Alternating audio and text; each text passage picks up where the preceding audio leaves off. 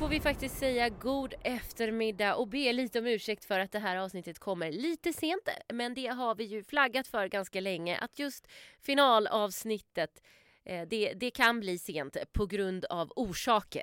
På grund av orsaker. Det är så här, nu fick vi ju sova i våra egna sängar hemma och då är det ju ingen som kommer och bankar på och tycker att man ska checka ut.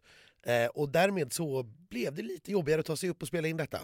Ja, och nu var vi ju tvungna att ta oss någonstans till våran studio och inte bara sätta oss i en hotellobby och mysa och spela in. Heller. Nej, precis. Och, så att, ja, är det plus och minus med att vara på hemmaplan, det får man säga. Ja, men förhoppningsvis är ni fler som har firat denna mellofinal och också är lite sega så här. Vi ska väl säga vad vi håller på med. Det här är alltså Schlagerfesten-podden som nu under sju starka veckor har följt Melodifestivalen 2019. Vi har dissekerat, analyserat, känt folk in på bara huden och åkt limo och Herregud, vilken resa Anders! Ja, vi har ju både åkt limo och din bil, ska ju sägas. ja. eh, och, och, nu är den jättefin, men limo är den inte. Eh, men vi har eh, vad heter det, farit eh, kors och tvärs över det här landet. Faktiskt nu. Och över och, vissa rondeller. Över vissa rondeller också. Kanske mot en och annan enkelriktad skylt, kan ha hänt. Ja, det är svårt att hitta i städer där man aldrig har varit. ja. Nej, vi har överlevt. Vi, vi gjorde det, vi tog oss igenom det här året också. Vi fick fram en vinnare, en fantastisk vinnare. Ja.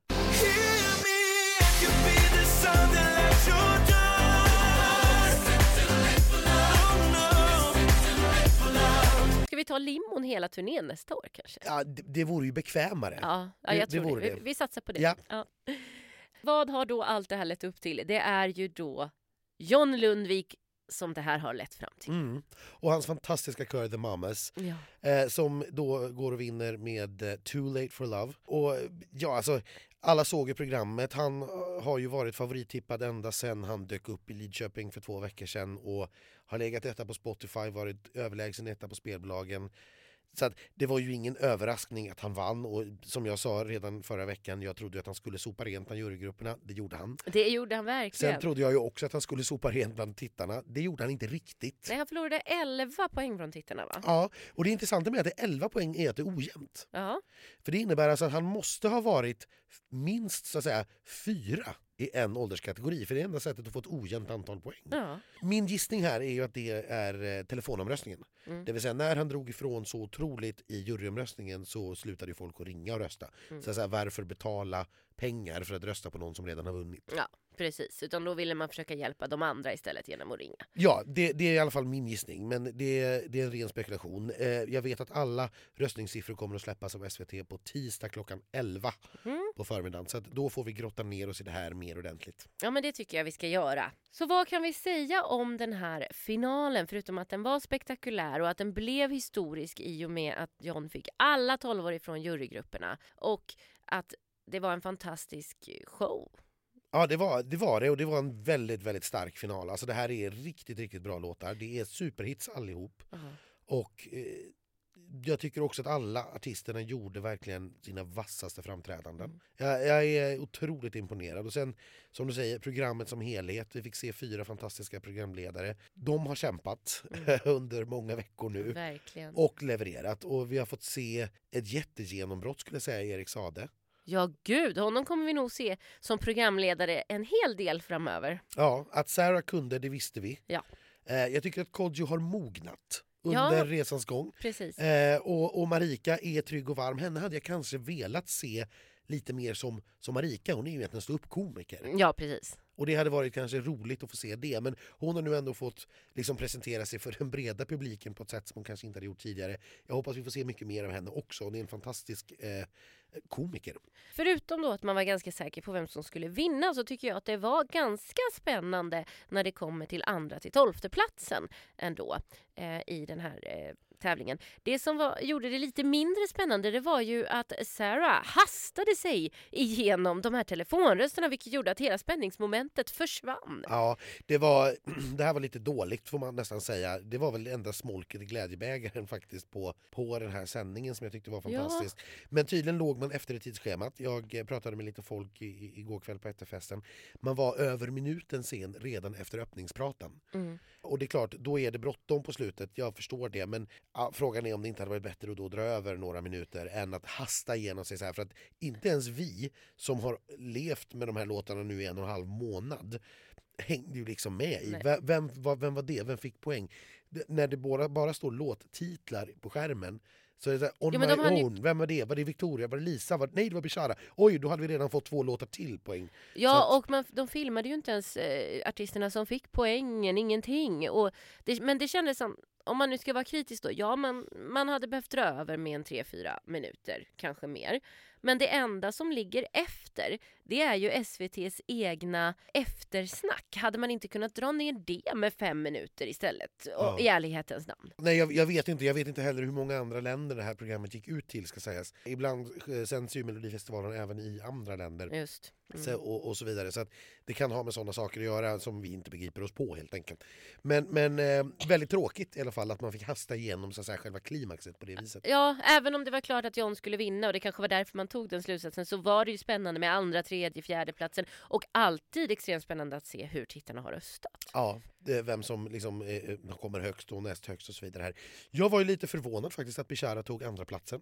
Ja, det ska väl sägas att det var jag med. Och sen kom då Liam och Hanna, våra favoriter, eh, på tredje plats. Delad andra plats skulle jag ändå vilja säga för de fick ju samma antal poäng. De fick samma antal poäng och, och här var det lite roligt på presskonferensen efteråt. Jag eh, snappade upp Aftonbladets eh, direktsändning när Tobbe Ek lyckades göra Christer Björkman svarslös i greenroom. Och det tror jag aldrig har hänt förut att Christer har varit. Kul att Tobbe fick göra det av alla. Kul att Tobbe fick göra det efter så här många år. Ja, Eh, nej, eh, för att svaret på frågan om det är lika poäng, hur har man då räknat? Eh, Och det visste faktiskt inte Christer. så de fick kalla in projektledaren Anette Helenius istället som fick svara på frågan att om det är lika poäng så är det så antalet röster som räknas. Så det innebär att Bishara fick fler eh, app och telefonröster än vad Hanna och Liam fick. men jag vill ändå säga att de är tvåa så att vi har återigen åkt limo med ettan och tvåan. Det var ju dessutom så lustigt att eh, även plats 4 och 5 hade exakt samma poängsiffra. Och även sex, sju och åtta va? Ja, så var det. Det är faktiskt lustigt att det lyckas bli sådär. Men eh, ja, i alla fallen där så har ju då eh, tittarnas antal röster avgjort så att säga, ordningen på dem. Ja. Eh, och eh, de fulla röstningssiffrorna sagt, de får vi gräva ner oss i när de har kommit. Ja. Någonting annat anmärkningsvärt och lite tråkigt och konstigt med det här resultatet, Anders, det är ju det här med... Visst, vi fick fler tjejer i finalen i år, men hur gick det för dem? Vi hade ju då vi hade sex solokillar och vi hade fem solotjejer. Och då har jag ändå räknat John som solokille. Och Ja. sen hade vi då du- duetten med, med eh, Hanna och Liam. Ja. Så att det var ju en väldigt, väldigt jämställd final Ja. äntligen. Men bästa solotjej kom på plats sex. Det är helt sjukt. Så att det, det är liksom så att killarna har liksom, de som var i final, ja de, de, de hamnade på övre halvan och tjejerna hamnade på undre halvan. Och det här är, alltså senast vi hade en tjej, om vi nu bortser då från Hanna, eh, senast vi hade en solotjej ska jag säga, på liksom topp tre, det var 2016. Det När känns... Mariette var trea. Det här är, och jag, jag kan inte samtidigt säga att det här egentligen har varit fel någonstans. Jag kan inte säga att eh, någon tjej kanske egentligen borde ha gått bättre. Men då måste man ju spåra det längre tillbaka i kedjan. Varför får inte tjejer bättre låtar? Men jag skulle ändå vilja säga att i år tycker jag att det är orättvist för jag tycker att Victorias låt och framträdande var fantastiskt i år. Hon, om någon, förtjänade en bättre placering. Där är det faktiskt någonting som är fel. Ja, ja, ja, jag kan ju bara hålla med. Jag tycker ju även att Anna Bergendahl gjorde det här fantastiskt och hade förtjänat en bättre plats. Jo, i tanke på hur populär den här låten är och hur bra den går. Varför röstar man inte på den? Nej, jag tror, jag tror vad, vad gäller Anna, om vi tar den, så tror jag ju att det är äldre målgrupper och det innebär att med det nya systemet vi har idag så tappar hon en del av publiken. Jag tror inte liksom att yngre ålderskategorier går igång på den låten så som kanske vi gör. Dessutom vad gäller juryrösterna så är det någonting med Bobby Ljunggrens musik som tydligen är väldigt, väldigt svenskt. Ja, för jurygrupperna gick ju inte heller igång på det här överhuvudtaget, vilket jag tycker är så märkligt. Nej, och de brukar inte, alltså, det brukar inte gå så bra för Bobbys låtar när det kommer till utlandet. Och jag vet inte riktigt, nej, jag, jag kan inte riktigt förklara det, men någonting är det, det som förmodligen då låter väldigt, väldigt svenskt Ja. i, i eh, andras öron så att säga. Nej men, men oavsett, det här är lite av ett bekymmer. Alltså att det är en så otroligt sned könsfördelning. För att Sanna Nilsen var den senaste tjejen som vann 2014 och det är över fem år sedan nu. Eh, Behöver man könsfördela de här röstgrupperna också? Det hjälper ju nog inte. Förmodligen är det ju så att både killar och tjejer röstar så att säga så här. På killar? Ja, ja men på killar. Och jag, jag vill poängtera att jag, jag tycker inte att det egentligen har blivit direkt fel någonstans. Vi kan absolut tycka att både Anna och, och Victoria skulle ha varit högre upp. Men jag kan inte säga att det är direkt fel att de inte är med i topp tre. För att både Bishara och Hanna och Liam är fantastiska låtar och fantastiska artister som också är förtjänade. Men vi måste liksom börja spåra det bakåt då. Varför får inte tjejer vinna låtarna? Varför, får inte, varför skrivs de inte till tjejer? Varför produceras de inte till tjejer? Och så vidare. Mycket intressant eh, diskussion. Vi kanske ska göra en hel dokumentär om det där så Ja, småningom. Ja, men det, jag, Vi har ju ett år till nästa år. Så att, år vi, vi hinner. Och, och eh, nästa år, om vi nu ska spekulera i det, vi, vi, jag vet att vi har varit inne på det tidigare, att det är väldigt ofta så att någon som gör sitt första melloår och går väldigt, väldigt bra kommer tillbaka året efter och vinner. Vi har ju sett det många gånger. Eh, och det hände ju nu i år med John. Blir det Bishara nästa år? Är det det du vill säga? Hanna, Hanna Färm. Ja, där! Jäklar vilken, jag höll på att säga ännu värre ord här, alltså gud vilken stjärna den tjejen är. ja. Hon är så härlig, hon kan allt. Hon vet allt. Ni som har sett vår limo-video vet att hon, hon, hon kan allt. Hon sjunger med i allt och hon sjunger ju så, hon sjunger så överjordiskt bra. Va? Så att där tror jag det kommer att vara slagsmål om att få skriva låtar till henne i Mello nästa år. Och en vinnarlåt. Och vinna låten. Jag hoppas, hoppas, hoppas verkligen att hon vill komma tillbaka. Jag försökte börja lobba på henne redan på efterfesten Ja, igår kväll att du Var kommer väl tillbaka. mottaglig då? Hon, hon, ja, hon ville väl inte riktigt tänka på 2020 än, kanske. Men hon, hon blev väl i alla fall glad att jag sa snälla saker. Ja, det brukar hon bli. Hon är världens gulligaste. Oh, det verkar som att hon kanske hade en liten eh, flört på gång med Benjamin där på efterfesten. De, eh, som vi brukar säga, såg ut att trivas i varandras sällskap. Ja, och de lämnade festen samtidigt, dock för att gå till Spybar så att jag inte sprider några falska rykten, men ändå dock tillsammans. Ja, och jag noterade när jag gick hem när efterfesten stängde att eh, hennes skivbolagspersoner bar på hennes bagage. Mm. Så det var inte med till Spybar. Mm. Så att vi får väl se. Vi får väl, eh, ja, det vore väl trevligt om Ja, det blir fina barn. det blir, ja, det får de vänta med. Det, det blir inte, inte förrän efter hon har vunnit Mello. Nej, just Nej. det, såklart. ja, vi kan väl lite raskt hoppa till efterfesten då. Den hölls ju i år på Berns som var abonnerat åt eh, Melodifestivalen. Det var lite roligare att vara på en, en, en lokal än i Friends Arena. Men det vart också väldigt mycket rörigare. Ja, så jag, ja, det, det var plus och minus. För att det är Berns är ju otroligt härliga lokaler, det är otroligt vackra lokaler. Mm. Och man hamnar verkligen i en mycket bättre feststämning Ja. än i det här liksom betongkomplexet som är Friends Arena. Men med det sagt då, ja det var lite trångt och eh, för journalister som ville arbeta på efterfesten, det, nej, det gick inte så bra. De fick sitta på en bardisk och jobba lite och vid sidan sådär. Och ja, det var trångt och rörigt eh, och det märktes väl att de hade ingen vana här på att arrangera just den här sortens fest. Nej, inte alls. Där det ska springa runt människor medan folk sitter och äter och liksom verkligen vara på dem och prata med dem. Och de får eh, liksom resa på sig stup i kvarten för att ta bilder och såna här saker. Så att, nej, eh, de- de får träna lite till nästa år om det ska fortsätta där. Men jag är i, i grund och botten ändå positiv faktiskt till att vi slapp Friends Arena. Och de flesta artister stannade ju ändå kvar. Jag var ju lite rädd att väldigt många skulle dra iväg någon annanstans. Ja, men det gjorde de ju faktiskt inte förrän vid tretiden ungefär. Precis, då började det droppa av några och de Ja. kanske hade droppat av ändå. Last Man Standing av artisterna, väldigt, väldigt otippat, men det var Jon Henrik Fjällgren. det är fantastiskt, vad glad jag blir.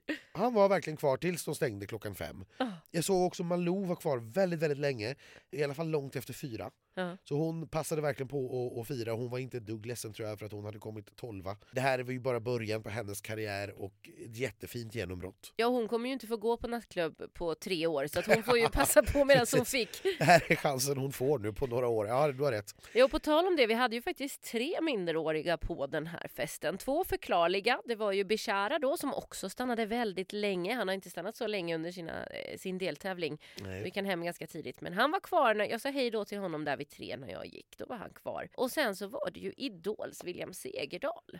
Ja, och, och då är det ju så här, reglerna säger ju att man får ju ha minderåriga på den här festen men de behöver ju då att, så att säga, någon, någon sorts förkläde som ser till att de inte dricker alkohol och ser till Mm. att de inte råkar illa ut och så vidare. För det är klart, Berns klockan fyra på natten är inte en miljö som egentligen är lämplig för, för människor, alltså för, för, för barn. Nej. Nej, för människor är den lämplig men inte...